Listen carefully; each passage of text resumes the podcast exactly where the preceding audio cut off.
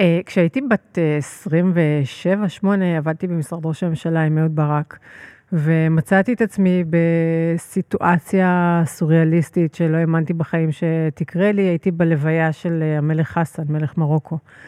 וזה באמת היה משהו מרגש ושונה, כמו להיות באמצע סרט. הלכנו את... Uh, נכנסנו לארמון בהתחלה, לכל קבלת הפנים, ופתאום מצאתי את עצמי, הלכתי לאיבוד, בקיצור. בארמון? התחילה המשלחת לצעוד ואני נשארתי מאחור, וזה כאילו, זה היה משהו עם מיליוני אנשים מסביב, שאנשים אה, אה, נתלו מהחלונות ומהקירות ומכל מיני מקומות כדי לנסות לצפות בכל מנהיגי העולם שצעדו. אמ, ואני הייתי אחראית, בין השאר, על אה, ליקוט העיתונאים, שהייתי דוברת במשרדו של אה, ברק כראש ממשלה, ו- והייתי אמורה לאסוף את כל העיתונאים שהיו בשטח, שהתפזרו לנו, כי רק העיתונאים הישראלים חצופים כמובן נכנסו למקומות שאסור היה להם מלכתחילה. ונשארתי לבד מאחור, והמשלחת הלכה עם כל המאבטחים וזה, ולא שמו לב שאני מאחור. ובמזל, פתאום שמעון פרס קלט אותי ותפס לי את היד ואמר, בואי מיידלה הולכים. וואו. והלכתי איתו את הצעדה הזו. שזה היה פשוט חוויה מטורפת, מדהימה. לפנינו צעדו ז'אק שיראק וביל קלינטון, והיו שם המונים, המונים, כל מנהיגי עולם. וכל החקלאים העיקריים, העניים, אנשים באמת הכי פשוטי העם ש, שצעדו שם, נתלו מכל הכיוונים, ושוטרים עם אה, כפפות לבנות החזיקו ככה ידיים ביניהם כדי שלא ייכנסו לתוך השיירה, ומכל עבר צעקו מיסיו פרס, מיסיו פרס, כי אותו בסוף הם זיהו. וואלה. זה היה מדהים, זה היה מרגש, ובאמת זאת הייתה חוויה שאני לא אשכח אף פעם. איזה כיף. אה, מאיה יעקובס, מנכ"לית עמותת צלול? נכון. נכון? אה, כיף שבאת. כיף שהערכת. אה, אני ארצה שתספרי לי איך, איך הגעת מלהיות דוברת של ברק, כן. אה, למנכ"לית עמותה של, איך אתם מגדירים את זה? זה נופל תחת קטגוריית טבע וסביבה? אנחנו אחת העמותות הכי אקטיביסטיות בארץ להגנת סביבה. אה, אנחנו שומרי הסף של הים, חופים, נחלים ומים בישראל. Mm. אה, אנחנו אלה שעומדים עם הנבוט וכועסים. כן, טוב, אז יש לכם הרבה עבודה. כן. אז uh, נדבר על איך להיות uh, מנכ"לית של עמותה כזו. Mm-hmm. Uh, וזהו, נתחיל uh, אחרי המוזיקה? בשמחה. אוקיי, אז מתחילים בעוד שנייה. Yeah. One time.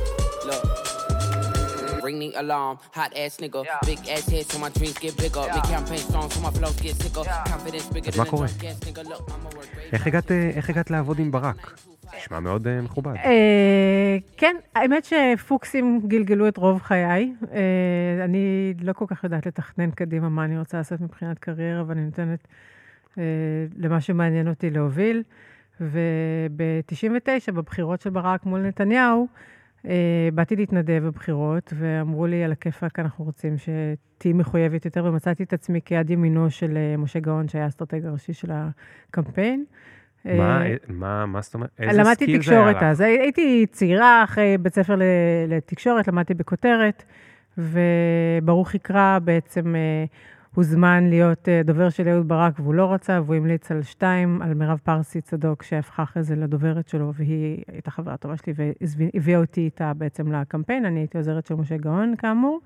ואחרי זה המשכתי למשרד ראש הממשלה, הייתי בעצם היחידה שלא הייתה איתו בצוות לפני כן, אה, להמשיך למשרד רוה"מ, והייתי אחראית, הייתי פורמלית העוזרת דוברת, והייתי אחראית אה, על כל מה שקשור בתקשורת אלקטרונית, ynet רק התחילו אז. אמ, אז רגע, רגע, רגע. עוד כשאת uh, עוזרת למשה גאון, mm-hmm. עכשיו יש קמפיין בחירות, כן. הרי לא מזמן היה אחד, ו... ואולי תכף שוב. תכף עוד כמה שעות נדע כן. אם יש עוד אחד לפנינו. מה, מה, מה עשית בתכלס? מה עושים?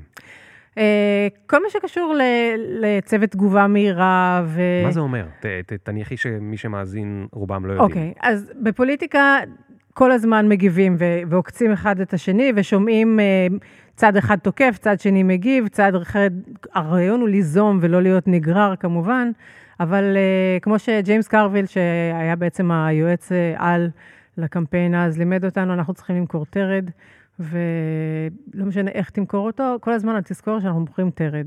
ואנחנו עושים קציצות ועושים פשטידה, כי בסוף המוצר הוא לא באמת משנה, יכול להיות פוליטיקאי, זה יכול להיות הגנת הסביבה, מה שאני עושה היום.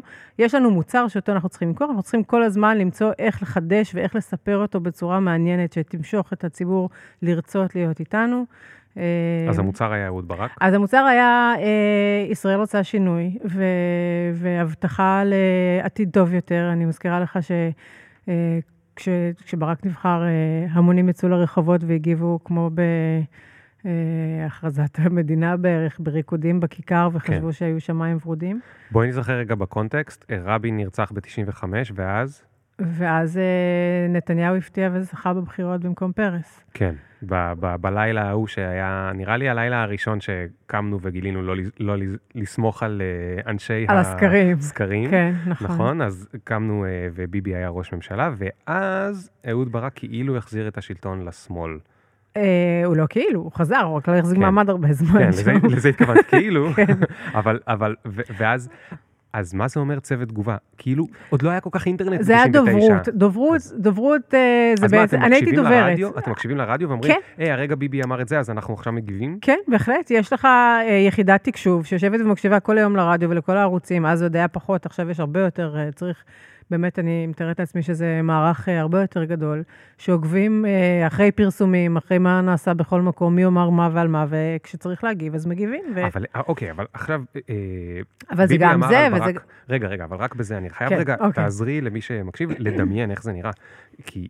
אה, אה, עכשיו ביבי אמר, אנחנו לא נחזיר את השטחים, אוקיי? ואז ישר אתה שולף מהבוידם, יש לך את כל התחקירנים שאומרים, הוא עשה ככה וככה וככה, בשנת ככה וככה הוא עשה זה וזה, ומה פתאום הוא אמר שהוא עושה ככה. כי פעם הוא כן אמר שאולי הוא רוצה להחזיר. בדיוק, הוא אמר שהוא יעשה זה, והוא שחרר את אחמד יאסין, והוא יעשה ככה, והוא שילם ככה. אבל מה זה אומר? זה אומר שאת ומשה גאון נכנסים לחדר וללוח? אני הייתי העוזרת. כן, העוזרת. אז את עוזרת. אני הייתי הצעירה. יש לך את המנהלים שמחליטים מה ה message box, וכאילו, יש לך מסרים קבועים לכל יום, שכתבנו אותם בין השאר בערב שלפני, שלחנו את זה לח"כים, עזרנו להכין את הח"כים לראיונות, וזה בעצם חלק גדול ממה שאני עשיתי גם אחר כך במשרד ראש הממשלה, היה סוג של המשך של הדבר הזה. אני בעצם הייתי אחראית על כל מה שקשור בתקשורת אלקטרונית במשרד רוה"מ, אז זה היה כל מי שעולה לרדיו ולטלוויזיה לרעיונות. ו... אז מכינים את כולם על המסר של מחר בבוקר. כן. כל יום. כן, ואפילו קיבלתי אזכור בספרו של רביב דרוקר חרקירי, כי הייתי זו שצריכה להתקשר בערב לפני למערכות ולנסות לגלות מה ה lineup למחרת, שזה דבר שבדרך כלל לא אוהבים לספר. מה זה מערכות ומה זה lineup? דברי בשפתנו. אוקיי, סליחה.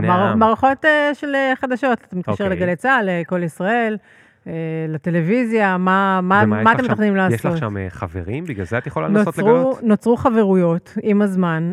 בעצם מה שקרה זה שכדי לייצר יחסים טובים עם, עם האורחים ועם העיתונאים, אני למדתי לספק להם גם אייטמים שלא היו קשורים אליי בכלל. זאת אומרת, הם סיפרו לי מה הם עושים, ואני מצאתי להם כל מרואיין שהם צריכים, מכל תחום שלא יהיה בקואליציה, עזרתי להם והם עזרו לי. זה היה קח ותן, כן. אוקיי.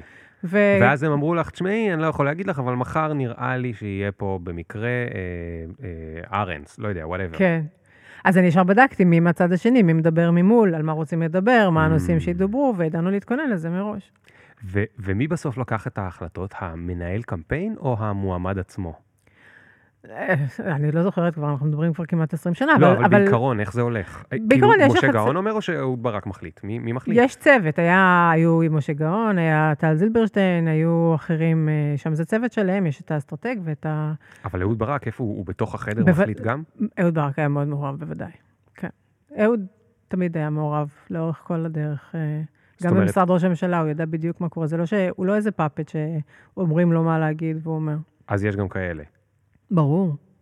גם בדרגות גבוהות? זאת אומרת, יש ראשי ממשלה שפשוט זה פחות מעניין אותם? זהו, בדיוק, זה לא מתוך אה, ראש קטן או זה, זה פשוט אה, או חלוקת קשב פחות טובה ויכולת אה, להסתכל על דברים אה, בצורה אחרת פשוט, אבל אה, ברק היה מאוד מעורב. ואיך אה, ביבי בסקאלה הזאת? הוא מנהל לעצמו את הקמפיין. אנחנו ראינו עכשיו שבבחירות האחרונות הוא היה מנהל הקמפיין, זאת אומרת, אה, הוא אפילו לא רצה את אנשי המקצוע שיתווכו לו בדרך ויעשו לו את העבודה. אני שמעתי הרבה שאמרו, הוא מנהל את הקמפיין, אבל לא היה לו מנהל היה קמפיין. היה צוות, אני לא יודעת, תשמע, אני כבר מזמן לא שם, אני עזבתי את העולם הזה. אה, אחרי, אחרי משרד ראש הממשלה עוד עבדתי בקונסוליה בניו יורק וזה, היו לי הרבה דברים אחרים, אבל אני כאילו מבחינתי עזבתי את הדוברות לפני mm. הרבה שנים, וגם את הפוליטיקה. היום אני מתעסקת בדברים שהם לא פוליטיים, כן. ושנוגעים לכולם, ו... אבל ממה שקראתי בעיתונים, אז נתניהו ניהל את הקמפיין של עצמו. למה עזבת את הדוברות? אני מאוד לא אהבתי להיות דוברת, כי בסוף אה, אתה נתון לחסדיהם של עיתונאים ש... או מבינים מה שאתה אומר להם, או לא מבינים להם, ומכניסים מה שהם רוצים, או לא, וזה היה להם מתסכל. וגם אה, הבנתי שבסוף אני אומרת דברים מאוד אינטליגנטיים, תסלח לי על הצניעות, חוסר הצניעות, ושאולי מישהו אחר צריך לדברר את מה שאני אומרת, ו...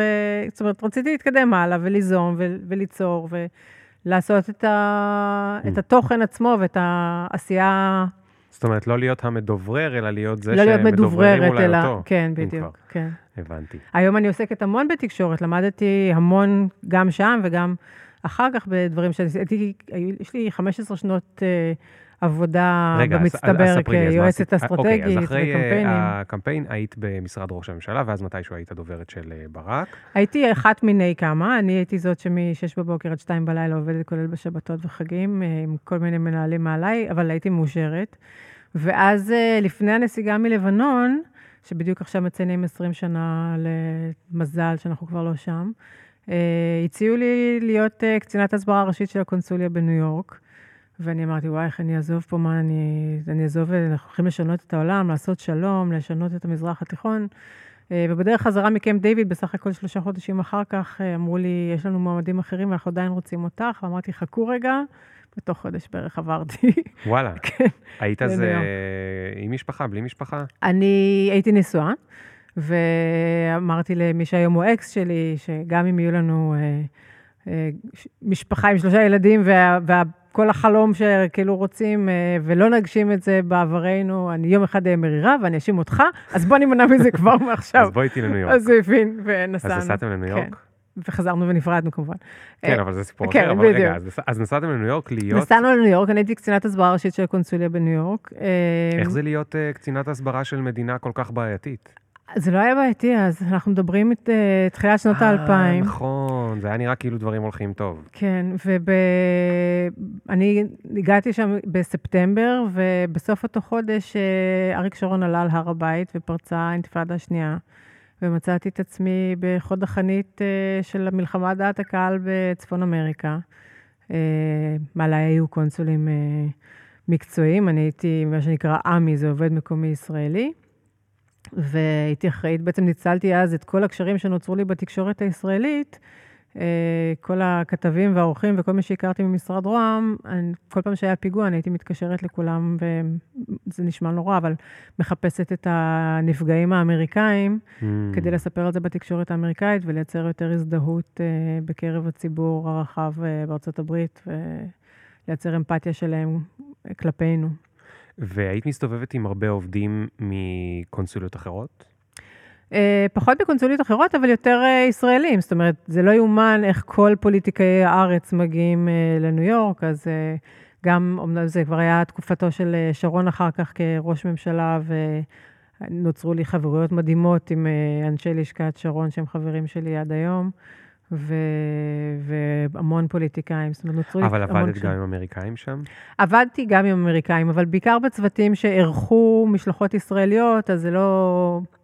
זה האינטראקציה היה כאילו כשהישראלים היו שם. אחר כך, מאוחר יותר, היה לי משרד שלי שעשה יחסי ציבור לישראלים בארצות הברית ולאמריקאים בארץ, שיחקתי על ההיכרות שלי ככה כבר עם כל העולמות, אז עבדתי יותר גם עם... אה, ומה היית אומרת? ההבדל הגדול ש, שראית בין מישהו במקצוע שלך כישראלי ומישהו במקצוע שלך אמריקאי? תשמע, כשאני הייתי, אה, אני, אחד הדברים שעשיתי במשרד ראש הממשלה היה לנסוע אה, לכל מקום לעשות את המשלחת המקדימה, להכין את התקשורת העולם, כאילו, אנחנו נוסעים, כל פעם שברק נסע לחוץ לארץ, אז נוסעת משלחת מראש, מישהי לצד של הטקס, אחד לצד המדיני ואחד לצד של התקשורת. ואני הייתי מגיעה כולה פופציקית בת 27-8, ומולי מגיע הצוות של קלינטון, הבכיר שם היה בן 60 ו, ועוד 4-5 אנשים לפחות. אז זה, זה משקף גם את איך שאנחנו התייחסנו לזה, כי אני בעצם עשיתי את כל העבודה אצלנו, וגם איך שאחרים מתייחסים לזה. אצלם זה מקצוע להרבה שנים קדימה, וצוות יותר גדול עושה את הכל. היו, היו אה, התקלות ברמת ההבדלי תרבויות? מבחינת, אני לא יודע מה, אה, חוצפה, אה, לדבר ב, ב, בצורה פתוחה? אמ, את, אתה או שהיית מאוד שמורה אני כזאת? אני הייתי, כן, אני הייתי מאוד uh, מקצועית. היה לי, אני, אני מכירה את כללי המשחק, ולא לא חרגתי מהם. אני... נראה לי נורא קשה, כאילו צריך ממש לשמור... אתה מוצא את החברים שלך בכל מקום, ואיתם אפשר לדבר קצת יותר בפתיחות, לא תמיד, לא תמיד מבינים את ההומור שלך. אני במיוחד, יש לי הומור פרוע כזה שאותי נורא מצחיק, אבל uh, לא תמיד מבינים אותי. וגם אם הולכים לשתות? או שאם הולכים לשתות הם נפתחים? כשהולכים לשתות זה משהו אחר, זה, זה יותר זה כאילו נחמד. כן, כן, זה יותר חברי, יותר uh, small talk, מדברים על החיים האישיים. זה יותר נחמד, כן. Um, אוקיי, אז, אז מיד אחרי ה... אז אחרי הקונסוליה את פתחת משרד? כן, האמת שתוך כדי uh, הייתי uh, שנתיים קצינת הסברה ראשית של הקונסוליה, ושנה עשיתי רק את זה, ושנה במקביל עשיתי תואר שני בקולומביה. Mm. ואז התואר בקולומביה הוא גם שנתיים, אז אמרתי שאני רוצה לפרגן לעצמי את ההנאה מהקמפוס כמו שצריך. אז הייתי סטודנטית במשרה מלאה. אה, שוב, בתקופת האינתיפאדה הייתי ישראלית יחידה, זו הייתה תקופה מאוד uh, מאתגרת, במיוחד כשהם גילו מה התפקיד שלי בעבודה כשאני לא נמצאת שם. כן. ואני למדתי uh, יחסים בינלאומיים ומדעי המדינה עם התמקדות ב-International Media ו-Conflict Resolution. אז uh, זה היה מין uh, מאוד מאוד צפוף, כאילו המשכתי ככה את כל ה...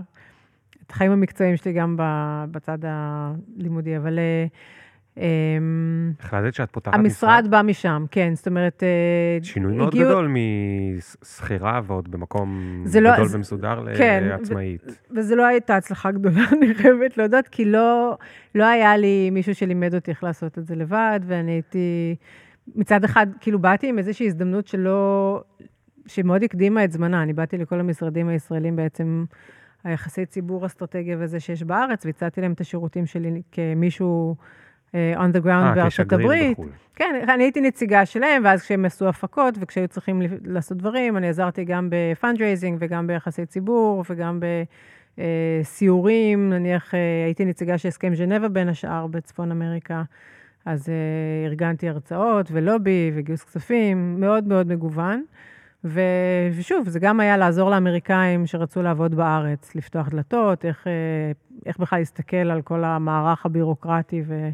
וסוג של מפת דרכים איך להתנהל בישראל, ואותו דבר בארצות הברית. ומה הדבר שהיה הכי קשה בתור עצמאית?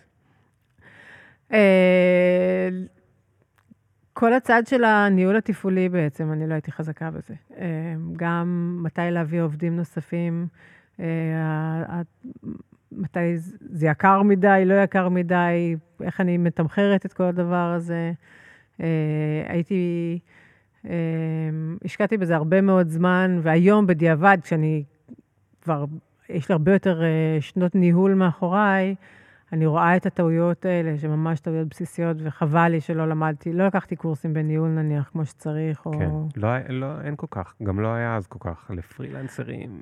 הייתה, לא יודעת, בטוח היה, אין דבר כזה שלא היה. תמיד, אה, ש... זה, העולם של אז לא היה כמו היום, שאני חושבת ש... שיחסית הייתי מאוד שונה, זאת אומרת, אני אה, כבר לפני 20 שנה, כל שנתיים, שלוש עברתי בין מקום למקום, כי השתעממתי, כי הבנתי מהר את הפואנטה, כי רציתי להרחיב, רציתי לשנות. והייתי עוף מוזר שלא כל כך ידעו איך לאכול אותו כנראה. ו... אבל זה התאים לי לשנים שעוד נשארו לנו בניו יורק. כן. ואז כשחזרנו לארץ אה, לא רציתי להמשיך את זה, וגם לא רציתי להשתלב חזרה בפוליטיקה, שזה כאילו היה משהו שעמד על הפרק, אולי אני ארצה להיות עוזרת פרלמנטרית או משהו כזה. למה לא בעצם? כי אה, החלטתי שאם אני אעשה משהו, אם אני ארצה להצטרף לפוליטיקה, אני רוצה שיהיה לי משהו משמעותי שאני עשיתי בעצמי קודם. אה, להיות מעורבת, לקחת על עצמי איזשהו פרויקט, איזשהו נושא. הייתה לי תקופה של חפיפה שהמשכתי עדיין לעשות פוליטיקה, וגם התחלתי לעשות דברים אחרים. שנתיים בתקופה שחזרתי לארץ. מצד אחד היה עשר שנים לרצח רבין, אז עזרתי לדבי תקשורת שניהלו את כל התקשורת של הנושא הזה, ושל מרכז רבין ניהלתי את כל העצרת הענקית שהייתה בכיכר מבחינת תקשורת זרה. הגיע ביל קלינטון אז לארץ, אז היה המון עבודה סביב זה, ומצד שני, קמפיינים לקדימה, ודבררתי את ההתנתקות פתאום במשרד ראש הממשלה, כל מיני דברים שהיו צריכים תגבורי דוברים, כן. בעיקר עם התמחות בתקשורת זרה. תגידי, היו אומרים לך לפעמים חברים או משפחה, מה, מה, מה, אז מה את עושה? כאילו, החלטת? לא החלטת. לא, האמת, היה פעם אחת שפתאום החלטתי שאני רוצה לכתוב ספר. ואמרתי, טוב, אני הולך, התחלתי מלחתום בלשכה, כי זה היה בין לבין ולא ידעתי מה אני רוצה לעשות, אבל זה, זה נגרר למין סיטואציה כזאת ש... במשך היום לא היה, אני, אני בן אדם של לילה, אני חושבת הרבה יותר טוב בלילה. ואז כאילו ביום נגררו לי הימים ונגמרו לי הימים, ואז בלילה בן זוג שלי היה חוזר הביתה, אז רציתי להיות איתו, ולא ממש יצא מזה ספר. אז לקח איזשהו זמן עד שהבנתי, אבל... אז זה לא הטריד אותך, זה שאת לא סגורה. עשיתי דברים נורא מעניינים ונורא מגוונים, ו... ובאמת בכל פעם הייתי מאושרת ממה שעשיתי, ו... וזה מה שהיה אגב, חשוב. אני אגב, אנחנו לא כל כך מכירים, אבל אני לא שופט, להפך, אני דווקא כן. מאוד שמח ב... בזה שעשית את זה ככה. פשוט לפעמים זה, הסביבה זה... לא כל כך אוהבת את זה. אני לא בן אדם שגרתי, אני גם אין לי ילדים, אני לא רוצה ילדים. אני עבד, עבדתי בזה מול... לחצים כבדים, גם מצד אימא שלי, גם מצד האקס שלי, זו אחת הסיבות בין השאר שנפרדנו. אה, זו הרצאה גדולה, אני יכולה לספר, זו שיחה ארוכה בפני עצמה, למה לא לעשות ילדים. אה, היום אני ממש מאושרת שאין לי. אה, אבל, אז אני, אז אני שונה, אני פשוט חושבת אחרת את ועושה... את בסדר, רגילה להיות שונה. כן, ואני עושה, אני מאוד נאמנה למה שאני מרגישה, ומאוד חשוב לי ללכת במה שאני רוצה ולא מה שאחרים מצפים ממני. אוקיי, אז, אז מה, מה היה הצעד הבא? אז הצעד הבא היה לעבור למגזר השלישי, והמגזר השלישי אה, בעצם... רגע, שנייה לפני ש... אוקיי. אה. סליחה. אמרת קודם משהו שאני מאוד מכבד, שזה לא רציתי להגיע לפוליטיקה אם אין משהו שעשיתי בעצמי. Mm-hmm. ולא יכולתי שלא לחשוב, נגיד, על מכובדתנו אה, מירי רגב. Mm-hmm. כי היא הרי, היא הייתה בדוברות, נכון? היא הייתה דוברת צה"ל. כן. ואז היא הגיעה להיות אה, פוליטיקאית? אין רע בלהיות דוברת ולעשות את זה. גם יעל גרמן הייתה דוברת לפני שהייתה ראש עיר. אה, אז מה זה הדבר הזה. דוברות זה מקצוע, ש... להיות דובר במקום מרכזי, זה מקום שחושף אותך להמון תכנים. זה בדרך כלל... אה, יושב בצוות אה, קבלת החלטות הבכיר ביותר וחשוף לקבלת ההחלטות, ו... ודוברות זה מקצוע מאוד כן. מכובד ו... וחשוב. אבל אני מנסה להבין מה זה הדבר, מה זה התחושה הזאת? אני... אני, אני, אני... תרחיבי לי עוד קצת. בסדר. בוא נגיד כזה דבר, ו... ויסלח לי אופיר אקוניס, שאנחנו אה, בהחלט... אה, מיודדים, נקרא לזה. אמ, אני החלפתי אותו במשרד ראש הממשלה. הוא היה, הדובר, הוא היה עוזר של אה, אביב בושינסקי, אני חושבת שזה אביב, או שזה היה, אה, לא זוכרת את שמו של מישהו אלף נב... הוא היה דובר, הוא היה עוזר דובר במשרד ראש הממשלה אצל נתניהו, ואני החלפתי אותו, הייתי על תקן עוזר דובר ב, במשרד ראש הממשלה אצל ברק. ו... ואופיר המשיך אחר כך, הוא היה דובר בליכוד, והוא המשיך בעצם בכל המנגנון הליכודי, ונבחר בפריימריז, ו... ובנה לעצמו את העולם האידיאולוגי שלו שם. אני הרגשתי שאם אני אה, אבוא, אני רוצה שיהיה לי איזשהו רקורד של עשייה קונקרטית, אם זה טיפול במשהו, בנושא, למשל, מה שאני עושה היום בסביבה, זה mm-hmm. טיפול קונקרטי בנושא שהיום מצאתי את המקום שטוב לי בו, שמעניין אותי, שאני מאוד מגוון לי, שאני יודעת, שאני תורמת בו בצורה משמעותית. אמ, אבל אני מנסה להבין, אני, אני ממש איתך. כן. קודם כל אני אסביר לך למה אני מאוד איתך. Uh, יצא לי uh, בשנים האחרונות לפעמים להרצות, אני מרצה, האמת שדי הרבה, אבל אני... זה לא בדרך קבע, אבל זה קורה די הרבה. למשל, אז להרצות בכל מיני מקומות. ולפעמים ניגשים אליי uh, חבר'ה יותר צעירים, נגיד בני 25, 6 ו-7, ואומרים לי, אני רוצה להתחיל להרצות. הבנתי שאפשר לעשות שם מלא כסף, ואני רוצה לבנות הרצאה וללכת ולעשות אותה בכל מיני מקומות. ואז אני אומר להם, מדהים, אוקיי, על מה, תר... על מה תרצו להרצות? מה, אומרת, על איזה רקע? על מה...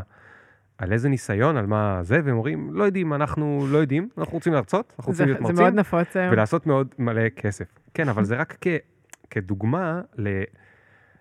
יש פה הבדל... ואני מאוד, לי זה מאוד קשה, ואני לא יודע אם זה בגלל שאני מדור ה-X, או בגלל שאני, יש איזשהו ערך אחר שאני לא יודע לתאר אותו, אבל קשה לי, זאת אומרת, גם אני היום, נגיד שיש לי קצת רקורד של עשייה, עדיין לא הייתי רוצה ללכת ורק להיות מרצה כל היום, כי מהר מאוד אני ארגיש שאיבדתי את העשייה עצמה שעליה אני יכול לדבר. אני מסכימה איתך, ויש כאלה גם שיש להם את ההרצאה אחת או שתיים, שאותם הם עושים שוב ושוב ושוב, שאני לא יודעת איך הם לא משתגעים מזה, אבל זה נושא אחר. כן. אבל אה, כן, אני מסכימה איתך.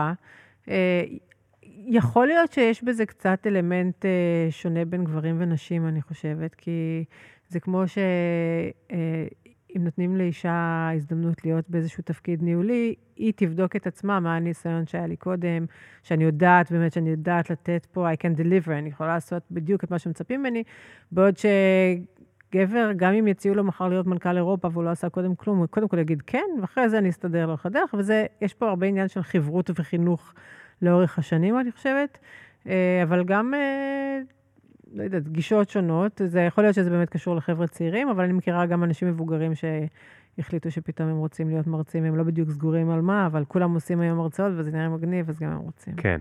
לא, אז על אותו משקל, אולי לרצות להיות פוליטיקאי. זאת אומרת, אני יכול להיות פוליטיקאי 아. כי הייתי קודם משהו שקשור לזה, ולפני זה משהו שקשור לזה, או... כמו שאת מציגה את זה, אני יכולה אולי יום אחד לחשוב על פוליטיקה, אבל אני צריכה קודם שתהיה לי איזושהי עשייה שעל בסיסה אני אוכל לבנות אג'נדה או להגיד, יש לי... אגב, אפרופו, אז בוא נשאר עוד שנייה רגע במקום הזה. אה, יש חבר'ה כמו אה, בנט, נגיד, שעשו אחלה עשייה אזרחית, ואז החליטו לבוא פוליטיקאים. שזה נהדר בעיניי, אני חושבת. אז זה מה שרציתי לשאול אותך, האם את חושבת שהעשייה האזרחית היא רלוונטית לכישורים שצריך הפוליטיקאי? אני חושבת, קודם כל כן, אתה צריך להכיר אה, איך העולם האמיתי נראה, אם אתה רוצה לנהל אותו ואם אתה רוצה להוביל אותו. אתה צריך לדעת כמה עולה לחם בסופר, שזו תמיד השאלה ששואלים פוליטיקאים בכל מיני אה, ראיונות כאלה שרוצים להתקיל אותם בבחירות, כמה עולה נסיעה באוטובוס נניח, לא יודעת מה. אה, אבל, אבל בהחלט כן, לדעת איך עסקים מתנהלים, לדעת איך העולם מתנהל. ואני חושבת שזה נהדר שאנשים ש... עשו לביתם והשלימו חוויית חיים שלמה של קריירה אחת, באים uh, לעשייה הציבורית כדי לתרום, בין אם זה בפוליטיקה, בין אם זה במגזר השלישי, בין אם זה בהוראה. יש היום המון אנשים שעושים uh, מעבר ורוצים ללמד את, את הילדים ואת הדור העתידי להסתכל על העולם במבט רחב יותר שהם קנו לעצמם. אני חושבת שזה נהדר, והלוואי שיהיו כמה שיותר כאלה. אוקיי. אז uh, הגעת למגזר השלישי, או החלטת שאת רוצה להגיע למגזר השלישי? החלטתי, כן. אני, אני מאוד מאמינה ב... כאילו זו הייתה החלטה השלישי. מסודרת? זה לא הגיע מתוך איזושהי הצעה חיפשתי, או משהו כזה? לא, חיפשתי 아, את אוקיי. זה, כן. החלטת לחפש. אז איך מחפשים? קשרים. ומה מחפשים? רק בקשרים. אה, לא ידעתי כל כך מה אני רוצה לחפש. אז מה זה היה כזה? אמרתי, תשמעי... אני רוצה לעבוד, לא, אז אני, אני רציתי לעבוד בעמותות, אבל לא רציתי לגייס כסף. הבנתי שהדבר הכי קשה שיש לעמותות זה הקושי לגייס אה, אה, כסף, ו, ורציתי לבוא מהצד של הפילנטרופיה. אז התחלתי בשיתופים, שזה ארגון אה, מצוין שהקים אותו רוני דואק. אה, זה ארגון אה, שותף לציונות 2000, ובעצם נועד למקצע את כל מה שקשור במגזר השלישי, ושעמותות יתנהלו בצורה מקצועית כמו עסקים, מבחינת תכנון ו- ואסטרטגיה וניהול זמן, וכל מה ש... בעמותות יש הרבה יותר בלאגן. כן. אנשים מחליטים שיש להם איזשהו משהו שחשוב להם, הם מתחילים לרוץ עם זה, והם לא לגמרי יודעים לא איך לנהל את הכסף, לא איך uh, לנהל את הזמן שלהם, לא לנהל מתנדבים.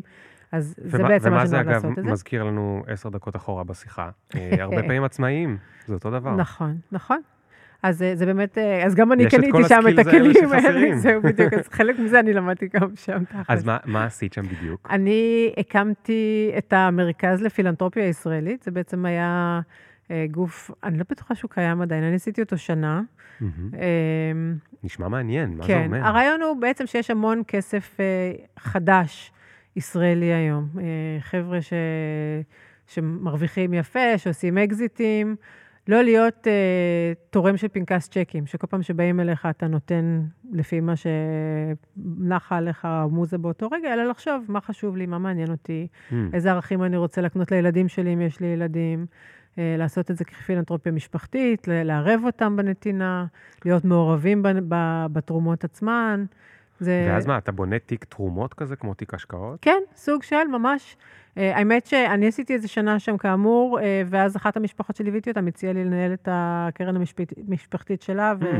ועברתי הלאה והייתי יועצת להשקעות חברתיות. בעצם. רגע, אבל שנייה לפני זה, מה זה אומר אני בניתי את המרכז לפילנטרופיה ישראלית? מה זה אומר לבנות לא, מרכז? לא, אז לא בניתי. אני, אני הייתי שם שנה. הייתה שם אחת מישהי לפניי שהקימה אתר אינטרנט מאוד גדול, ש, שריכז את כל המידע, ואני ישב, זה, זה, זה לא קל, זה להמציא בעצם איזשהו קונספט מאפס. ועד היום הוא לא לגמרי התרומם, ולכן אה, אני לא סגורה על זה שזה עדיין קיים. מי שבא אחריי בעצם אה, הגשימה את רוב התוכניות ש, שאני כתבתי אותן בתקופה שאני כתבתי ו, וחשבתי עליהן, אה, אז אני בעצם עשיתי את שלב התכנון, נקרא לזה. אה, שמה זה אומר? מציאותית וצנועה יותר. איך דברים יעבדו? איך, איזה מין תוכניות לעשות, חיבורים בין פילנטרופים, נטוורקינג, מה, אתה רוצה לייצר פה איזשהו מועדון אקסקלוסיבי שאנשים אה, ירצו לקחת בו חלק. אה, אמר אה, אה, גראוצ'ו מרקס לדעתי, שאף אחד לא רוצה להיות חבר במועדון ש... שרוצה אותך, אז איך אתה, אליו. כן, בדיוק, אז איך אתה, איך אתה מייצר את המועדון שכולם ירצו להיות חברים בו בכל זאת, לייצר פה את זאת אומרת, את כבר גייסת אנשים לתוך המועדון, הלכת והדלקת אנשים על הרעיון גם. כן, את, כן, היו פה כל מיני פרויקטים לחשוב עליהם, גם שיתופי פעולה עם פילנטרופים בארץ וגם בחו"ל, ו... סוג דברים כאלה. תגידי, איך זה מרגיש, ועכשיו זו שאלה, את לא חייבת לענות עליה, כן? אבל איך זה מרגיש להסתובב עם כל המולטי מיליונרים והמיליארדרים האלה? אה, מבחינה אנושית, זאת אומרת, זה מוזר, זה זה, זה מעניין, זה, איך זה מרגיש? כי בסוף אתה חוזר לבית שלך שהוא רגיל. נכון. אמ, בסוף כולם אנשים, וזה, אני חושבת ש, שדווקא זה שהתחלתי במשרד ראש הממשלה, כאילו, כשאצלנו במשרד היום, ראיתי את נלסון מנדלה, פגשתי, אתה יודע, דלאי למה היה אצלנו, כל מיני אנשים כאלה, וואו, מהם התרגשתי, האפיפיור היה בארץ בתקופה שברק היה ראש הממשלה. בסוף אתה לומד שכולם אנשים. וכל האנשים שסביבם הם אנשים, וזה כלי מאוד חשוב, וזה נורא חשוב להזכיר לנו את זה לעצמנו תמיד, בכל התמודדות שיש לנו.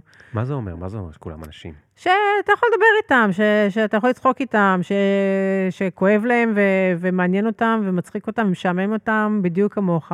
אתה צריך למצוא את הדרך של להתחבר אליהם ולדבר במסרים שמעניינים אותם ובערכים שאתה מתחבר איתם.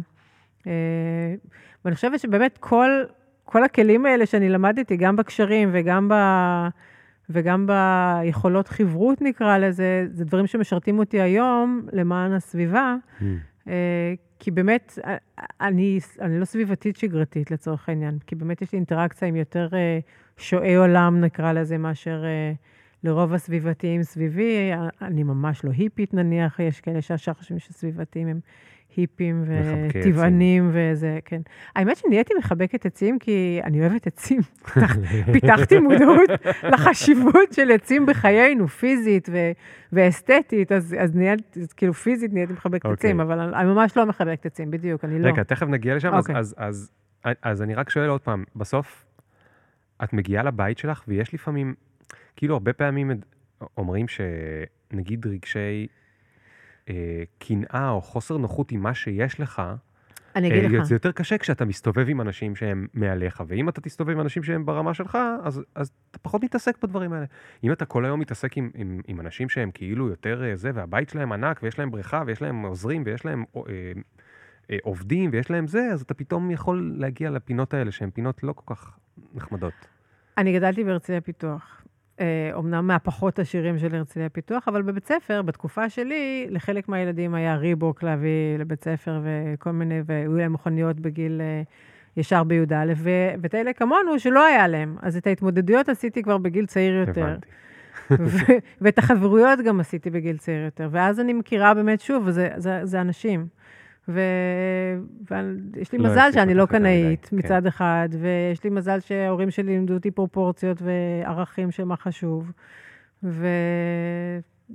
ומזל, קיצור. אוקיי, אוקיי. אני מבינה, אני מבינה את ההתמודדות הזאת. אני חושבת שהיום אנשים שחיים את החיים של אחרים באינסטגרם לצורך העניין, שיש המון קנאה והמון השוואות, כואב לי עליהם. אני חושבת שדבר שאנשים צריכים לשאוף עליו זה להשתחרר מהדבר הזה ולראות מה שטוב בחיים של כל אחד ואחד מאיתנו, כי יש כל כך הרבה זה? טוב.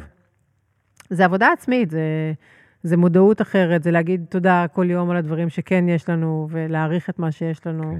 ולראות גם את הדברים הפחות זוהרים שיש בחיים של האחרים, כי לא, לכולם יש צרות, ו, ואלה שיש להם את הבית היפה והזה, הם יושבים שם לבד הרבה פעמים, או כי בדיוק אה, בגדו בהם, אה, ליוו אותם, לא יודעת מה, עשו להם, כאילו, לא, לא הכל נוצץ וזהב אצל אף אחד. כן.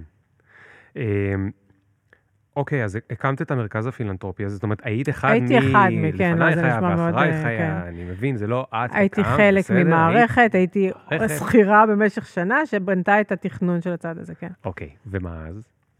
ואז הלכתי לנהל קרן משפחתית, אה, שקראו לה פונדסיו דה סולי, וקרן השמש.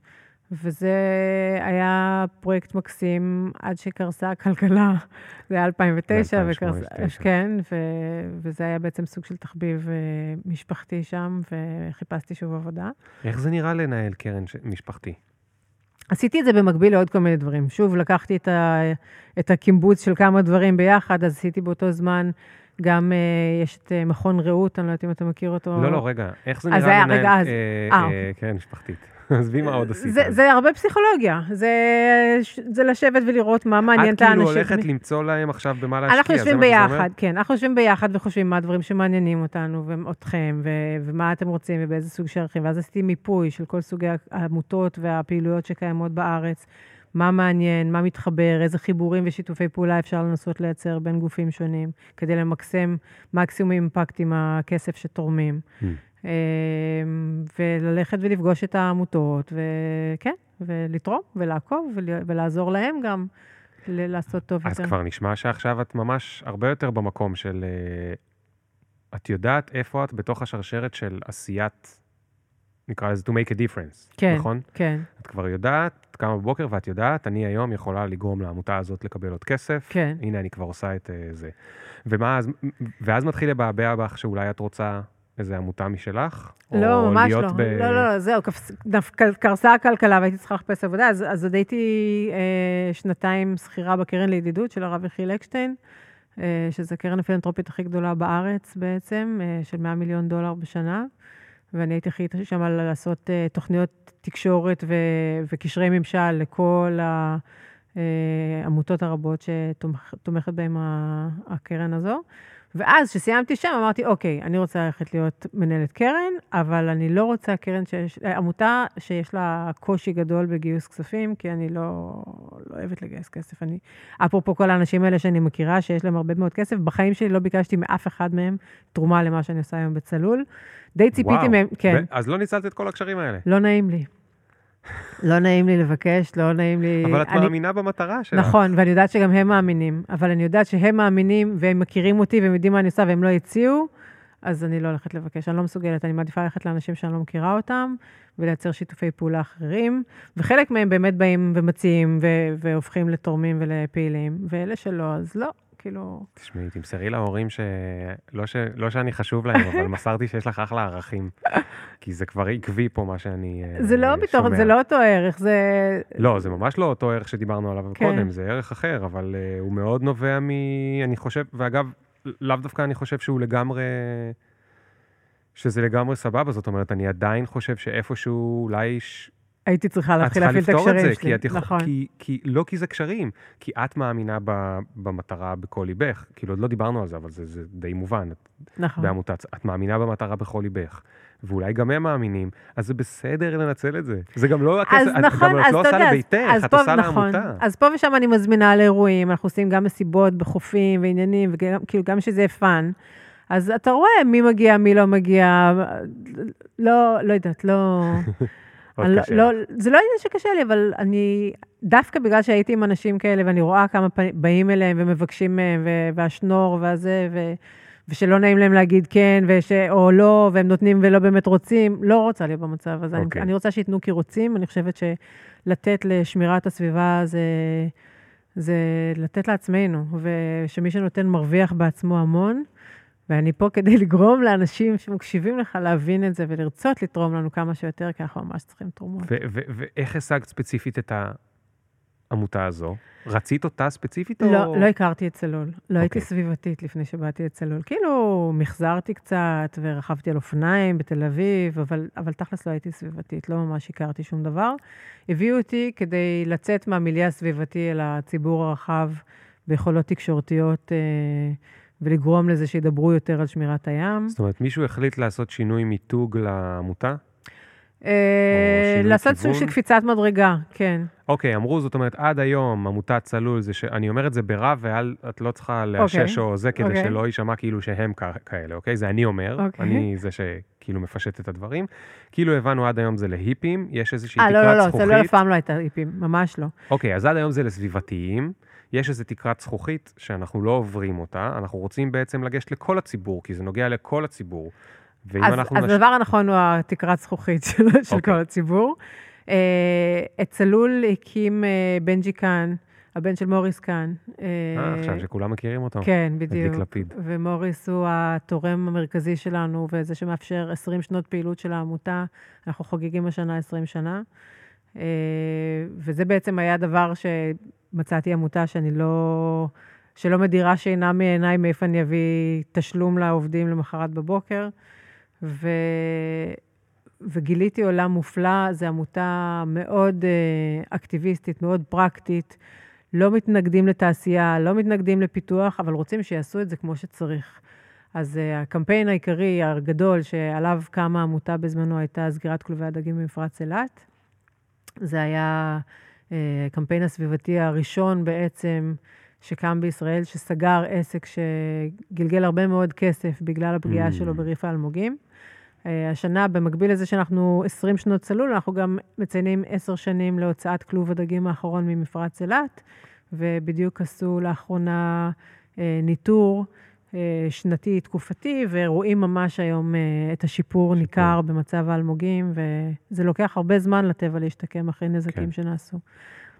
רגע, איך, אבל שנייה, את פתאום נהיית מנכ"לית? זה, כן. מה, זה... הייתי, בקרן הידידות הייתי על תקן של אה, סוג של סמנכ"ל, הייתי אחראית על כל קשרי הממשל ועל תקציבי ענק. אבל פתאום מלא עובדים וזה, זה כאילו לא הפחיד אותך? אנחנו לא, קודם כל לא. היו לי גם עובדים אה, במקומות אחרים תחתיי, גם אה, בקרן לידידות וגם אה, במקומות אחרים, אבל... אה, אה, זה, זה, זה היה שונה בזה, בעיקר מבחינת uh, העולם, התכנים שהייתי צריכה להתמודד איתם.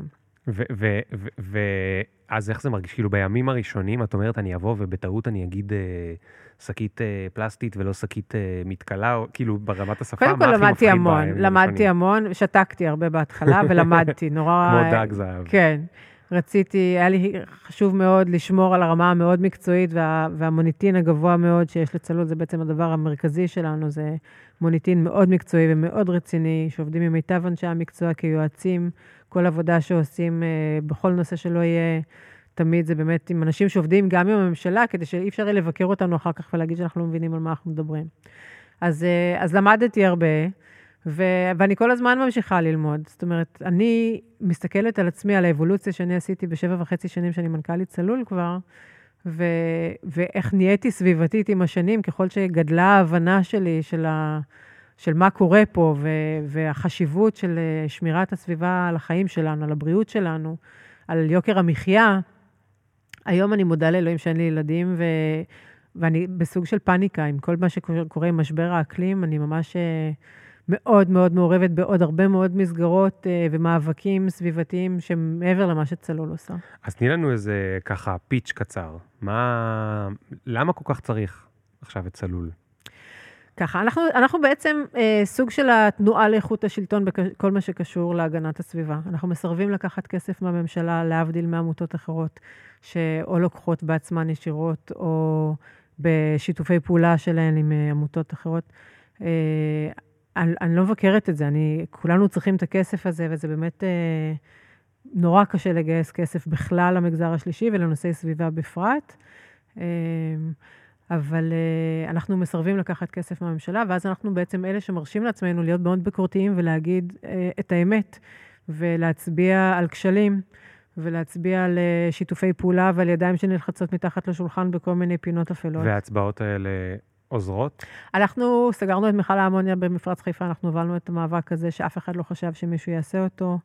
אה, בעצם מה שקרה מהובלה של מאבק, שש שנים אנחנו לקחנו את זה על עצמנו, אה, מ-2012 עד שזה נסגר ב-2017, זה מאבק שציבור ניסה לסגור אותו במשך 30 שנה בעצם לפני כן, ובמלחמת לבנון השנייה הוא זוהה בתור מטרה ודאית של חיזבאללה, ועדיין הממשלה לא עשתה עם זה שום דבר. אה, וכשהצלחנו, למרות ונגד כל הסיכויים, ולמרות שהבעלים של חיפה כימיקלים נתן לכולם את התחושה שהממשלה אצלו בכיס, ושהוא שולט ושהוא לא, שאי אפשר עליו, אה, בזכות בתי משפט חזקים, דרך אגב, בין השאר, חשיבות של בית משפט חזק הוא דבר מאוד מאוד אה, מרכזי בהגנת סביבה ו... בהגנת זכויות... בהגנה הצ... הציבור. והציבור, בדיוק, והגנת זכות הציבור לכל דבר ולטבע נקי. אז, אז מה שקרה עם מכל האמוניה בעצם הוביל היום לזה שמדברים גם על האפשרות של לסגור אפילו את בז"ן ו, ושינויים משמעותיים בכל ההתמודדות עם תעשייה מזהמת. אנחנו כבר מ-2012 דורשים קידוחי גז ונפט בטוחים בים. כולם מכירים היום את הסיפור של אסדת לוויתן, אבל היא רק מרכיב אחד בתוך כשל מאוד גדול ומאוד מאוד מטריד, שבו בעצם הממשלה נותנת לנובל אנרג'י ול, ולדלק ולרציו, השותפות בלוויתן, ולעשות מה שהן רוצות. תגידי, את יכולה להסביר להדיוטות למה הממשלה נותנת להם לעשות מה שהם רוצים? זה מתחיל מזה שכולנו רצינו גז, אה, וגז זה, זה אנרגיה הרבה יותר נקייה מפחם ומזוט, ולכן אה, זה חשוב וזה טוב, וזה מייצר עצמאות אנרגטית, ואנחנו לא נגד הגז לצורך העניין, אנחנו, אנחנו מתייחסים לגז כאל אנרגיית מעבר שצריך אותו לכמה שנים עד שתהיה אנרגיה ירוקה טובה יותר, שזה אנרגיה סולארית ורוח וגלי ים, שזה בעצם המקום העיקרי שצריך לעשות אותו, כי, זה, כי גז הוא גם אנרגיה מאוד מזהמת, כן. הוא מסכן את הים, הוא מסכן... אז, אז רצו... כולנו רצינו שיהיה גז כדי להפסיק את התלות בזיהום האוויר, ולהפסיק את זיהום האוויר. הבעיה היא, איך מנהלים את העניין הזה? כמה אנחנו מייצאים, באיזה מחיר אנחנו מוכרים את זה לשוק בארץ, איך אנחנו מטפל, מטפלים בים, כי מה שהיה באסון מפרץ מקסיקו אה, בדיוק לפני אה, תשע שנים, זה אסון שאנחנו לא יכולים להרשות אותו לעצמנו. שם היה קידוח אה, בבאר נפט שזלפה, זלגה לים. זה היה בריטי, נכון? לים. זה היה בריטיש פטרוליום, כן. אה, אה, אסון מפרץ מקסיקו בעצם כיסה שטח שגדול משטחה של כל מדינת ישראל. לנו יש בסך הכל 197 קילומטרים של חוף, והשנה מתחילים לקדוח גם נפט בים, לא רק אה, גז. ואנחנו ממש דורשים שימנעו מזה בכל, דריש, בכל לשון של בקשה, והממשלה לא משתפת פעולה עם זה. ואנחנו דורשים שיתנהלו לפי הדירקטיבה האירופאית. אבל למה היא לא משתפת פעולה. כי... אני שואל בכוונה בתמימות, אני חושבת כי... שמה שקרה, אני אגיד לך, הגרסה שלי, הניתוח שלי שמסתכלת על זה, חברות, חברות לא רצו לבוא לעבוד פה. היה את החרם הערבי, אה, לא היו הרבה חברות אה, אנרגיה שרצו לבוא ולקדוח בים התיכון, ונראה לי שהבטיחו להם, בואו, יהיה בסדר, ניתן לכם מה שאתם רוצים. ובים הכלכלי שלנו, במים הכלכליים, אין חוק בעצם שמחרי, שמסדיר מה שנעשה, זה כמו מערב הפרוע בשנות הבעלה לזהב, כל אחד יכול לעשות שם מה שהוא רוצה. היחידי שאחראי על הכל זה הממונה על הנפט במשרד האנרגיה. אה, ועכשיו מנסים לקדם שם חוק כזה שיפקיד את זה באמת בידיו של, כחוק, שמפקיע אפילו מהמשרד להגנת הסביבה יכולת אה, לנהל שם את העניינים. הלקח הראשון אחרי אסון מפרץ מקסיקו זה שחייבים לעשות הפרדה בין הסמכויות, שמי שהתפקיד שלו זה לעודד את התעשייה ולפתח אותה, יהיה נפרד מזה שהתפקיד שלו זה לשמור על הסביבה ולפקח ולהגן על הסביבה מפניה. אבל יש לנו שר לאיכות הסביבה. יש לנו ממשלה שפוגעת אה, בסביבה, יש לנו משרד להגנת סביבה שחסרים בו מאות אנשי מקצוע, פקחים, עורכי דין, מדענים, כל מה שנדרש כדי לייצר אה, הרתעה ואכיפה, אה, כדי למנוע מגורמים מזהמים לזהם ולסכן את הבריאות שלנו, אין. היה ממש לאחרונה, בחודש האחרון, פורסם דוח של מבקר המדינה שקטל את המשרד להגנת הסביבה על איך שהם מתנהלים מבחינת הפיקוח ואכיפה. אה, אשכול תעשיות במשרד להגנת הסביבה הוא פחות או יותר עושה דברם של התעשיינים, הוא המשרד להגנת התעשיינים יותר מאשר הגנת הסביבה. היום במכון התקנים יש, אה, משרד הכלכלה מכניס בעצם נציגי התאחדות התעשיינים לשם, ומה שיקרה זה שהם ישנו את התקנים של מה מותר ומה אסור לייבא ולייצא לארץ, וגם שם בעצם לא יהיה מי שישמור עלינו. אמ, תגידי, זה נשמע כאילו הכסף הוא... זה, זה לא אני, כאילו. זה הגיוני להבין שהכסף הוא הרבה הרבה יותר חזק מ... נכון. המחשבות שלנו על העתיד, זה ידוע שבני אדם לא טובים בלחשוב על העתיד הרחוק. במיוחד לא כשהוא מפחיד. בישראל, במיוחד כשהוא מפחיד, בישראל על אחת כמה נכון. וכמה וכמה וכמה. בייחוד ממשלות ישראל ידועות נכון. בזה שהן חושבות חמישה חודשים קדימה. יש איזושהי דרך, אולי ראית את זה באיזושהי דוגמה בחו"ל או משהו כזה, להצליח להכניס את האינטרסים האלה דרך הכסף? כן, האמת שזה בדיוק מה שאנחנו מתכננים לעשות עכשיו, אנחנו מתחילים את זה עכשיו, ואתה ממש מרים לי את זה לבולה, אבל בעצם אה, זה בדיוק הקו שאנחנו הולכים עליו, כי אנשים לא מבינים אה, גם את הפגיעה בכיס שלנו ובבריאות שלנו, ביוקר המחיה שיגרר, אם תהיה דליפה משמעותית בים, אז המשמעות היא שההתפלה תיעצר לתקופה כלשהי, והסחר הימי ייפגע, כי אה, כל, ב-99% מהסחר לישראל הוא דרך הים. רגע, אומרת זה, כל הדברים האלה, אם שנייה, יהיה אסון, כל, אם יהיה אסון, המחיה עוד יותר תיוקר. כן, כי אין, אה, אין ביטוח שיפצה את כל מי שייפגע, את כל אלפי אה, האנשים ש... והעסקים שצריכים ים נקי בשביל אה, לנהל את העסקים של עצמם, ובעצם יש להם ביטוח שרק מכסה את ההוצאות של עצמם לחברות, לחברות האנרגיה, את הציוד שלהם, נראה לי חמישה מיליון דולר, איזה סכום מצחיק כזה. והמהלך שלנו עכשיו דורש מהמשקיעים המוסדיים ומהבנקים לא להשקיע את הכסף שלנו, את הפנסיות שלנו, בחברות האלה, כל עוד הן ממשיכות לזהם, וכל עוד הן לא לוקחות על עצמן את הנהלים המחבירים ביותר אה, מבחינה סביבתית. אה, השקעות סביבתיות וחברתיות זה דבר שהוא כבר נפוץ בעולם. היום יש חברות שפועלות גם בארץ בדברים האלה. אה, בכיוונים כאלה. אני מאוד ממליצה לחפש אותן ו- ולהשקיע את הכספים שלנו כבר היום בחברות כאלה ש- שיש להן מדד שמשווה ובוחן מי מזהם יותר ומי פחות. יש אה, מדד אה, בינלאומי שנקרא אייריס, שבעצם בוחן 3,000 חברות מכל מיני סוגים של תעשייה, אה, מבחינת המדדים שלהם, איך היחס שלהם לעובדים, איך היחס שלהם לסביבה, כמה מים מזהם, הם אה, משתמשים, כמה הסביבה הם מזהמים. נובל אנרג'י ודלק הם מהחברות הכי נמוכות בדירוג.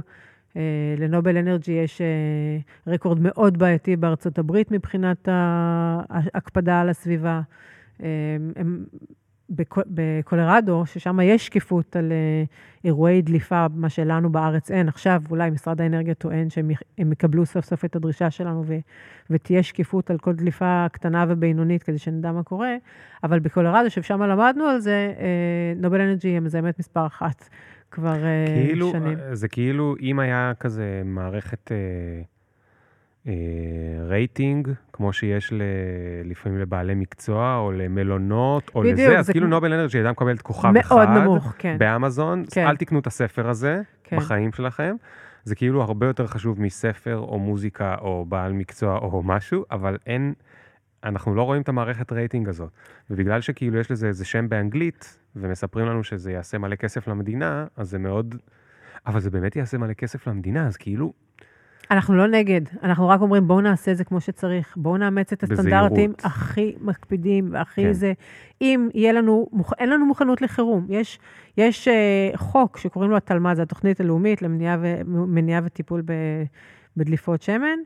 עד היום, למרות שב-2008 עברה החלטת ממשלה שצריך uh, uh, לכונן uh, חוק ושיהיה ציוד חירום ושיהיו פקחים ושיהיה זה, אין את זה. עכשיו, בתור uh, סוג של עלה תאנה, במקום 24 פקחים ימיים שנדרשים, במשרד האנרגיה uh, הצליחו לעזור לנו מול האוצר, עלק לעזור, ויהיו אולי שמונה פקחים, בעיקר הם, הם, הם, הם הצהירו על זה עכשיו, נראה שבאמת יהיו הפקחים כן. האלה, אבל צריך ציוד חירום, צריך אוניות. מה שאנחנו ראינו באסון הכרמל, שחיפשו את המטוס בשעת השרפה, זה, זה בעצם מה שאנחנו נראה בים, וזה תהיה בכייה לדורות, זה החופים שלנו, זה הים שלנו. אנחנו חיים במדינה מטורפת, שהדבר היחידי שיש לנו זה ים. ככל שנהיה חם יותר, ככל שנהיה פה צפוף יותר, המפלט שלנו זה ללכת לים, להירגע רגע, לקבל את השפיות, להתאחד עם עצמנו ועם המחשבות שלנו, ולא יהיה לנו את זה, הם יגזלו לנו גם את זה, ומה יישאר פה? תגידי, הרבה אנשים לא יישארו פה כי הם טוענים שהם בגלל הים. תגידי, זה כרגע המלחמה הכי גדולה שלכם? כן. ויש לכם עוד מלחמות? כן, המון. קודם כל, מפרץ עכו יש זיהום חמור מאוד של כספית שמגיע משטח ששייך ליצחק תשובה. הוא קנה את השטח מזוהם. מתוך התחייבות לכך, ובמחיר טוב, מתוך התחייבות לכך שהוא יטפל בשטח, ועד היום הוא לא עשה עם זה שום דבר. בעצם אנחנו בונים פה איזושהי תמונה שחושפת את יצחק תשובה על כל המחדלים הסביבתיים המאוד חמורים שלו. גם, תשמע, הוא לקח אליו כעובדים בכירים במשטרה, וב, ועכשיו אפילו שישינסקי התחיל לעבוד אצלו. אנשים שהיו בצד של השלטון ועברו לעבוד אצלו כדי להגן על השיטה וללחוץ על הממשלה לעגל פינות ולאפשר לו לעשות דברים, ונובל אנרג'י גם. אז תגידי, את פעם הסתובבת עם אנשים... זה לא קל, נכון. מהגובה הזה. נכון. כאילו... הרבה חברים שלי נמצאים בצד השני. על, על תשובה ספציפית כנראה שלא, אבל אני מקווה שלמשפחה שלו יהיה אכפת, ולעובדים שלו יהיה אכפת, ועובדים אצלו הרבה מאוד ישראלים בכל מיני דרגות, ו... ואני מכירה את האנשים האלה, אני פוגשת אותם בחגיגות ומסיבות ואירועים, ואני מכירה את זה שהם אוהבים לשבת עם החבר'ה שלהם בים, ומסתכלים עליהם היום בתור מלח הארץ, שמביאים את הקדמה וה... וההבטחה הגדולה, אבל אם חס וחלילה באמת יהיה אסון, ובצורה שמנהלים את, זה, לא, את, ה, את הקידוחים בים, זה לא שאלה של אם יהיה אסון, אלא מתי הוא יהיה וכמה חמור זה יהיה, ואיך אנחנו נדע להתמודד איתו, אז זה יהיה כתם שלא ירד להם. מה, מהלגאסי שלהם ו, ומהמורשת שהם כל כך גאים בה היום. תגידי... יש, כ... רגע, שאלת עוד על כן, מאבקים? כן, כן. אז יש לנו קודם כל הנושא באמת של עכו, שמפרץ עכו יש זיהום כספית חמור. דבר נוסף, אה, זה מאבק בעצם להצלת משרד להגנת הסביבה, או דרישה לזה שיהיה לנו משרד הגנת סביבה אה, חזק, עצמאי. עם דגש על הגנה. הגנה, בדיוק, זה, שזה יהיה המשרד לביטחון בריאות הציבור. כמו שמשקיעים... אה, כסף בביטחון פנים ונאבקים בפשיעה, ככה צריך להגן אה, עלינו מפני פושעים סביבתיים שמסכנים אותנו ככל שאנחנו צפופים יותר אה, ובמדינה באמת הצפופה בעולם המערבי, אם לא בעולם, אנחנו חייבים, חייבים, חייבים שישמרו על הגנת הסביבה בצורה הרבה יותר אסרטיבית, הרבה יותר נחרצת. בנוסף, יש לנו קמפיין שלהם שקוראים לו ישראל מבזבזת. שבעצם מדבר על זה שכל משק המים שלנו מנוהל בצורה לא נכונה ולא אה, מתאימה לאקלים שהופך למדבר, והדבר פוגע לנו במי התהום ומייבש את מי התהום, ומי התהום הם הבסיס של הנחלים שלנו אה, ושל הטבע, ו, וצריך להציל ולנהל את משק המים בצורה הרבה יותר... אה, הוליסטית שמסתכלת על התמונה הגדולה, זה אומר גם אה, שימושים בחקלאות וגם בתעשייה וגם בשלטון המקומי וגם בצריכה הפרטית. אנחנו לא אימפריית מים כמו שאנחנו נוטים לחשוב עם כל הנושא של התפלה, מזל גדול שיש לנו התפלה, אבל צריך לזכור שהתפלה תופסת שטחים והיא גורמת לזיהום אוויר והיא גורמת לזיהום ים, ובעצם אף אחד לא חקר את ההשלכות של התפלה ושל מים מושבים עלינו, אנחנו בעצם סוג של... אה, אה, מעבדת מחקר ענקית, כן. מדינה שלמה שחיה על מים מושבים ומותפלים ולא יודעים מה ההשפעות של זה עלינו. תגידי, את לוקחת את כל זה מאוד אישית? כן. כאילו, את לוקחת את זה איתך הביתה? כן. את הולכת לישון עם אני מאוד עצבים? מוטרדת. או פחדים? עם דאגה, עם דאגה.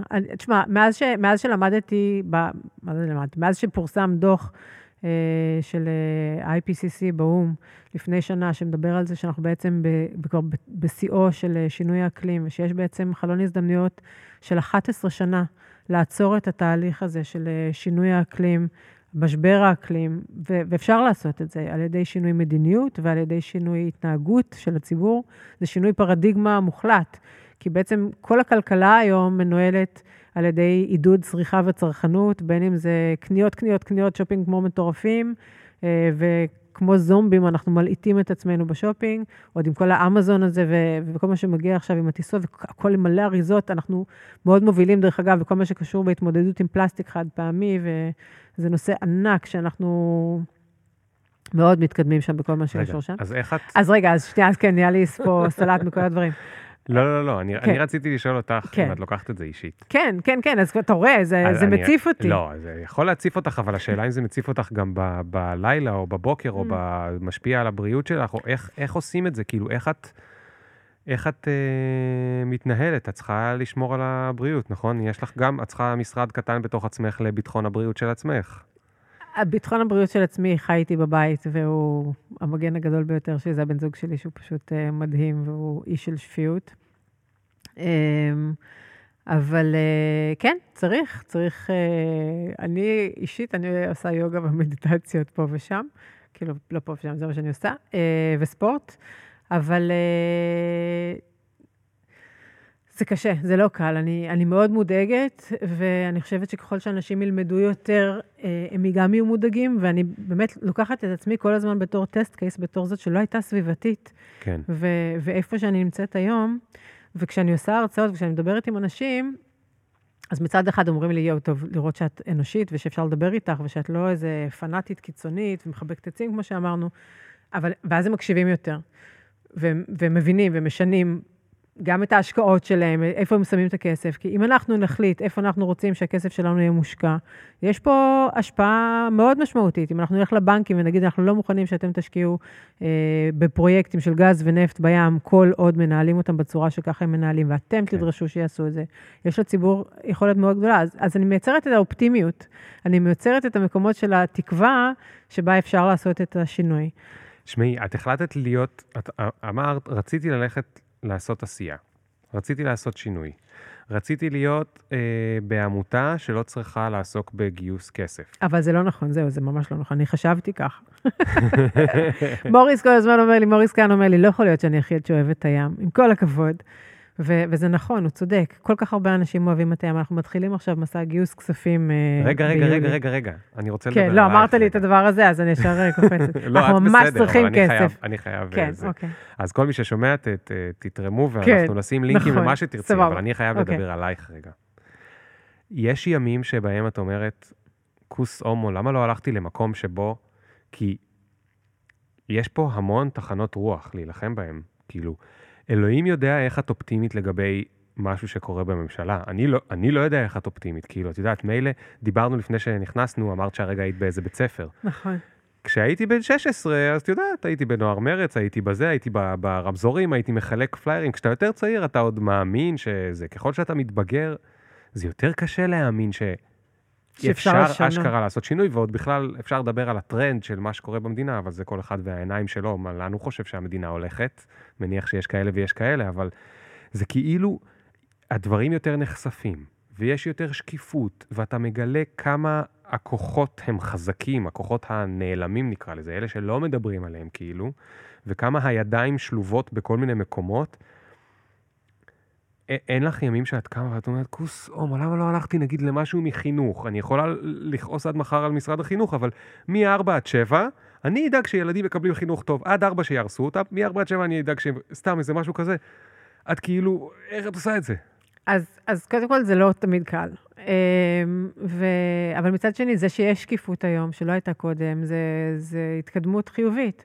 והשקיפות מנקה, והשקיפות uh, גורמת לשינוי אה, סטנדרטים ובאופן של ניהול. עכשיו, אנחנו נמצאים עכשיו באמת באיזושהי ריאקציה נגדית, שבגלל ההצלחה שלנו עם מכל האמוניה, בגלל שפתאום התעשיינים נבהלו שאולי הסביבתיים התחזקו מדי ויכולים להגיע ליותר מדי הישגים, ועכשיו הם המתחזקים יותר, והם מאוד חזקים עכשיו, יותר ממה שהם היו קודם. אז, אה, אז יש פה ריאקציית נגד, אין ספק, אבל הזכרת ילדים ונוער, אני מסתכלת על ילדים ונוער, מה שקורה באירופה בעיקר. אה, יש שם אה, נערה מדהימה בת 16, גטה טונברג, שפשוט מרוב חרדה התיישבה מחוץ לפרלמנט השוודי ואמרה, בשביל ללכת לבית ספר, אם אין במילא עתיד, אז מה, אני דורש מכם לשנות את המדיניות. וכמו פורסט גאמפ, כולם התחילו ללכת אחריה. ואנחנו רואים היום דברים מדהימים קורים באירופה, וגם אצלנו זה יקרה, וזה לא, לא ייקח עוד הרבה זמן שזה יקרה. גם פה יש כבר התארגנויות של, של בני נוער וצעירים, שאני מלווה אותם, ככה מהצד, משקיפה בעיקר, נותנת פה ושם טיפים, אה, וגם אה, התארגנויות אה, של אנשים, וזה יהיה חייב לקרות, כי בסוף החיים חזקים מהכל, וגם מקבלי ההחלטות צריכים להבין ש... הסביבה לא יודעת להפריד בין מי שיש לו כסף ומי שאין לו כסף, ומי שהוא שמאל ומי שהוא ימין. כולנו צריכים את האוויר ואת המים ואת החמצה, ואת המים, מזון וחמצן בשביל לנשום ולחיות, ואין לנו חיים בלי זה, זה ממש הבסיס של החיים שלנו. כן. אז כן, אני אופטימית. אבל מצד שני, אני כן אומרת, אוקיי, נניח, יש לנו 11 שנים של זה, אם אני לא מצליחה, אז באיזשהו שלב, יאללה, אני לוקחת תרמיל, ואני נהנית מלטייל בעולם את מה שיישאר, וניסיתי. אבל אני בשלב הניסיון, ואני באמת אופטימית, ואני פוגשת אנשים מדהימים, וזה עוד אחד מהיתרונות, כי, כי פוגשים באמת את האנשים במקומות הכי יפים שלהם, והכי טובים ומאמינים במקומות כאלה. ו... ואני מאמינה בכוח של הציבור לעשות את ההבדל ואת התיקון ואת השינוי לטובה. אז תספרי לנו רגע איך הציבור יכול לעזור. אם כבר ניתן איזה דקה פרסומת, אה, לא פרסומת, כי זה למטרה טובה, אז אי אפשר לקרוא לזה פרסומת, אז, אבל... לנו יש את מגיני הים, אה, שזה בעצם אה, רשת פעילים של אנשים שנמאס להם שמתייחסים לים, כמו אל פח זבל ואל ביוב. אנחנו עושים גם הפגנות וגם פעילויות מחאה מצד אחד, וגם המון הסברה וחינוך מצד שני. אנחנו ספציפית לא ארגון שמתעסק בחינוך, אבל המתנדבים שלנו מובילים ואנחנו עוזרים עם הדבר הזה. אמ, אנחנו, כמו שהזכרתי ככה על רגל אחת קודם, אנחנו מאוד מובילים את כל מה שקשור בכל ההתמודדות עם פלסטיק חד פעמי. חוק השקיות זה חוק שאנחנו בעצם העברנו אותו בשיתוף עם המועצה לישראל יפה, אה, בעזרתם כמובן של השרים שהעבירו את זה, שזה עמיר פרץ ואבי גבאי, שבסופו של דבר הצליחו להבקיע את הגול. אמ, וגם היום אנחנו פועלים uh, להחלת חוק פיקדון על uh, בקבוקים של ליטר וחצי, עושים המון ניקיונות חופים, שזה אנשים משתתפים בניקיונות חופים. יש פעילויות הסברה, אנשים מסתובבים בחופים, בבתי ספר. יש בלי, בלי סוף. כשאנחנו מדברים על סביבה... איך אפשר לעזור עם נושא הגז? קודם כל, להתנדב, להצטרף אלינו, גם עם תרומות. אני מצטערת שאני מבקשת תרומות, אבל בסוף אנחנו צריכים את הכסף הזה בשביל לעשות מודעות, בשביל uh, לייצר את המאבקים האלה. בסדר, את מספרת לי שאת מביאה תרומות מאנשים כדי שאני לא אמות או משהו כזה, אז נראה לי כן. בסדר. כן, אוקיי. לא, אתה יודע, כי זה לא יפה, אני עושה שנור, אני יודעת מה. אה, אבל, אה, אבל אנחנו עושים הפגנות, ואנחנו כותבים עבודות, ואנחנו... אמ, המון המון פעילויות. בכל מה שקשור בגז, אז צריך לכתוב מכתבים וצריך להיות פעילים, ובאמת לפעול מול uh, הבנק שלנו, או הבנקים שאחראים. אנחנו עכשיו עושים איזושהי עבודה שעושה מיפוי בעצם, של uh, כל uh, בעלי ההון שעומדים מאחורי, שמאפשרים את העבודה של חברות האנרגיה, ואנחנו נביא את זה לידיעת הציבור בדיוק מי האנשים ומה לדרוש מהם. בסופו של דבר אנחנו גם מדינה קטנה עם קשרים וקומבינות, ואני, כמו שאמרתי כמה וכמה פעמים, מאוד מאמינה באנשים, ואנחנו לא נגד, אנחנו רוצים שיעשו את זה כמו שצריך, ולכן אני רוצה שכל מי שמקשיב פה, שמכיר עורכי דין, מכיר רואי חשבון, כל מי שעובד מסביב לתעשייה, כל, לתעשיינים בכלל, לא רק לקידוחי הגז והנפט, בעיקר, אבל כל מי שמזהם את הסביבה ופוגע בבריאות שלנו, להשפיע, לדבר איתם. ראיתי תוכנית עם אה, עמוס רולידר ומנחם הורוביץ, הם דיברו עם בני נוער על אלימות כלפי ילדים בוואטסאפים. והם דיברו על זה שיש שם המון חרמות ודברים איומים ונוראים מבחינת התמודדויות של ילדים. והעצה שהם נתנו הייתה שכל הילדים שהם לא באמצע, אלה שבאמצע, הם לא אלה שעושים את החרם או שעושים עליהם את החרם, להיות אקטיביים, לבוא אל מי שעושים את החרם ולהגיד להם, אתם לא לבד, אנחנו גם פה, אנחנו חברים שלכם, הם המניאקים, אנחנו שומרים עליכם, וללכת למניאקים ולהגיד, שמעו, זה לא נעים לנו, זה חזירי, זה לא מתנהגים ככה, אתם חלק מקבוצה, וזה אותו דבר פה. אני מצפה ומקווה שמתנדבים שלנו ופעילים שלנו, אנחנו נעזור עם המסרים. זה נושא מאוד מורכב, יש פה המון חומר ומידע שצריך להבין ולהתמודד איתו. אבל, אה, אבל עם קשרים אישיים, עם קבוצות לחץ, עם חברים, משפחה, מהמקומות הכי פנימיים כן. ואישיים של, של אותם אנשים שאו שיושבים בממשלה, או שיושבים בתעשייה, אה, ומקבלים את ההחלטות שמשפיעות על הבריאות שלנו, אני חושבת שכולנו ביחד יכולים לעשות פה הבדל גדול.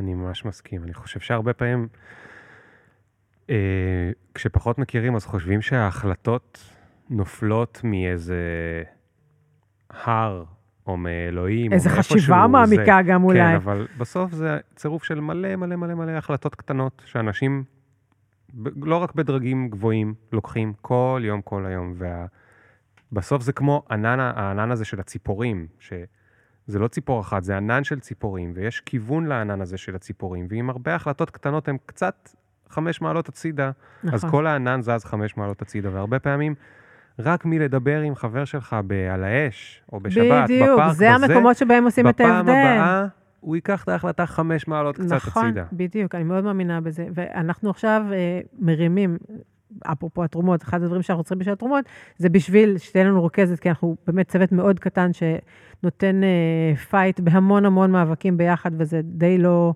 ריאלי להצליח להתמודד בצורה טובה עם כל הדברים האלה, אבל אנחנו רוצים להקים עכשיו פרויקט שנקרא נשים מובילות שינוי. שהוא לא מדיר גברים, גברים הם גם חלק מהעניין, אבל אומרים, אוקיי, עד היום גברים הובילו נניח את סדרי העדיפויות, איך מקבלים החלטות פה בארץ, היום אנחנו רוצים את, ה, את הסדר העדיפויות שמסתכל עלינו קודם, על המשפחה, הראשונים להיפגע מזיהום זה הילדים והקשישים, וה, והנשים בתור אלה שנמצאות בחזיתות האלה, שמבינות גם את יוקר המחיה, כי הן הרבה פעמים אלה שמנהלות את uh, משק הבית ומבינות את העלויות. עכשיו אנחנו רואים שהעלויות של מחירי המים ואנרגיה ו- ומזון עולים. הדברים האלה הם סביבתיים. עדיף, כן. אמנם זה, זה כואב לנו בכיס, אבל המחירים האלה ימשיכו לעלות מצד אחד, וככל שאנחנו נחסוך, אנחנו גם עושים רווח לסביבה וגם לכיס שלנו. ונשים מובילות שינוי, הוא בעצם מדבר על זה שהירוקים, כאילו הארגוניים, אה, הוציאו שם רע לסביבה. והפמיניסטיות, הרבה נשים בעמדות מפתח ועמדות כוח לא אוהבות את הפמיניסטיות. הן חושבות ש, שזה לוחמני מדי ואגרסיבי מדי, ו, ואין ספק שאנחנו באיזשהו תהליך עדיין של ריאקציה, שיש גם גברים שנפגעים אולי בתהליך של נשים שדורשות למשל... אה, אה, שיגנו עליהן בגירושים, ויש כל מיני גברים שמרגישים שנפגעים שם. אין ספק שצריך לעשות עדיין עיבוד ותיקון של הדברים האלה, אבל אנחנו רואים היום ריאקציה נגדית, גם כלפי הסביבה וגם כלפי נשים, שחייבים לעצור אותה כמה שיותר מהר, והם חייבים הדברים האלה להיות ביחד, ונשים לא צריכות העצמה נשית היום. נשים מועצמות וחזקות ומשכילות ונמצאות בעמדות מפתח, ואנחנו, יש שם המון נטוורקינג של נשים שעוזרות אחת לשנייה. יש נשים בסביבה ובפוליטיקה ובאנרגיה ובמשפט, ובעצם את כל הנטוורקים האלה אנחנו רוצות לחבר ביחד, להסביר להן איך בעצם... כל החלטה שלנו וכל תחום מסוג שזה לא יהיה, בין אם זה אופנה ובין אם זה אה, עיצוב ובין אם זה, כל, כל, באמת, כל תחום שלנו יש לו נגיעות סביבתיות, אפשר גם, לעשות אותו אחרת. יש לכם כבר איזה מקום באתר על זה? זה עדיין לא מופיע באתר, אה, אנחנו בשלבי גיוס כספים כדי להרים את הפרויקט הזה. פרויקט מאוד גדול ומאוד... אה, אנחנו רוצות לעשות את זה כמו שצריך. אבל אם מישהי מתעניינת ושומעת עכשיו? אז תפנו אליי, אני אוקיי, זמינה מאוד. אוקיי, אז אנחנו נשאיר את הפרטים שלך כן, גם ומאוד בזה. מאוד בשמחה, וכמה שיותר שותפות. מאוד מאמינה בשיתופי פעולה, מאוד מאמינה בשיווק ולעזור עם עסקים שרוצים uh, להרוויח. אני השתתפתי בפרסומת של נספרסו, uh, שמעודדת uh, מחזור קפסולות, בגלל שהם עושים באמת מחזור אמיתי של הקפסולות. אנחנו עוזרים לעסקים שרוצים להיות סביבתיים יותר, לא מאמינים בגרין ווש. גרין ווש זה כשאתה צובע את הערובה שלך בירוק ואומר שעכשיו אתה לא מזהם יותר. אבל כשב, כשבאמת עושים מהלך, אנחנו פה כדי לעזור. אה, יש פה קהל עצום ורב של עשרות, אם לא מאות אלפי אנשים שזה כבר חשוב להם, אה, שמסתכלים על הדברים האלה כשמקבלים החלטות מה לקנות ואצל מי לקבל שירות, ובואו אלינו, נעזור לכם. אוקיי. okay. טוב, אנחנו צריכים לסיים. תודה רבה, היה ממש... ואני אשאל אותך, סליחה, הייתי צריך לבלוע רוק. אני אשאל אותך שאלה אחרונה. כן. זו השאלה המשותפת של הפודקאסט. Mm-hmm. ובשאלה הזאת, את אה, טסה במטוס, והמטוס עושה נחיתת חירום. Mm-hmm. וזה הדקות האחרונות של אה, חייך. אני מצטער, אני לא התכוונתי להרוג אותך, זה הכל רק בתיאוריה. ברור. ואז אה, את עוצמת עיניים ואומרת, איך אני מתבאסת שלא הספקתי, מה? וואו, אה, המון. אני רוצה עדיין אה, ללמוד לנגן, ואני רוצה לטייל בהמון מקומות, ואני אה, חושבת שהעולם הוא מקום גדול ומופלא ומציע המון המון דברים, ואני קצת פומו בכל זאת, כמו שגם הקריירה שלי הראתה. אה, אבל אה, האמת שבסך הכל אני מאוד מסופקת בחיים שלי, באמת יש לי... אבל מה בכל זאת את תגידי שם? מלא דברים? דברים שלא, שלא הספקתי, שאני מצטערת שלא הספקתי. אני, אין לי דבר כזה, אין לי איזה משהו שאני אומרת, וואי, איך הייתי רוצה לעשות ולא עשיתי. אני עושה את מה שאני רוצה. אוקיי, אז רק תגידי על מה היית רוצה ללמוד לנגן. או פסנתר או גיטרה, או גם וגם. אני נורא מקנאה באנשים מוזיקליים, המשפחה שלי מאוד מאוד מוזיקלית, רק אני פחות או יותר לא. טוב, בינתיים את מנסה לנגן על ליבם של אנשים. על העצבים. על העצבים גם. כן. תודה רבה רבה. תודה לך. היה כיף. גם לי. Uh, תודה לכם, אני מודה כרגיל ל... לקמפוס של Google for Startups, שנותן לנו פה את המקום המדהים הזה, וגם הקמפוס נותן לסטארט-אפים גישה לכל המוצרים המדהימים של גוגל וחיבורים לתעשייה, ואנחנו ב Creator Studio, שזה הסטודיו המדהים שלהם. תודה אישית גם לנועם, שניהל את הסטודיו הזה, והוא עוזב, הוא לא ביקש ממני להגיד את זה, אבל אני גם לא יודע אם הוא מקשיב לפודקאסט מצד שני, אם אתם מכירים אותו, נועם מגוגל, תגידו לו שהוזכר שמו, כי הוא באמת uh, עשה פה עבודה uh, מדהימה, וזהו, עד הפעם הבאה.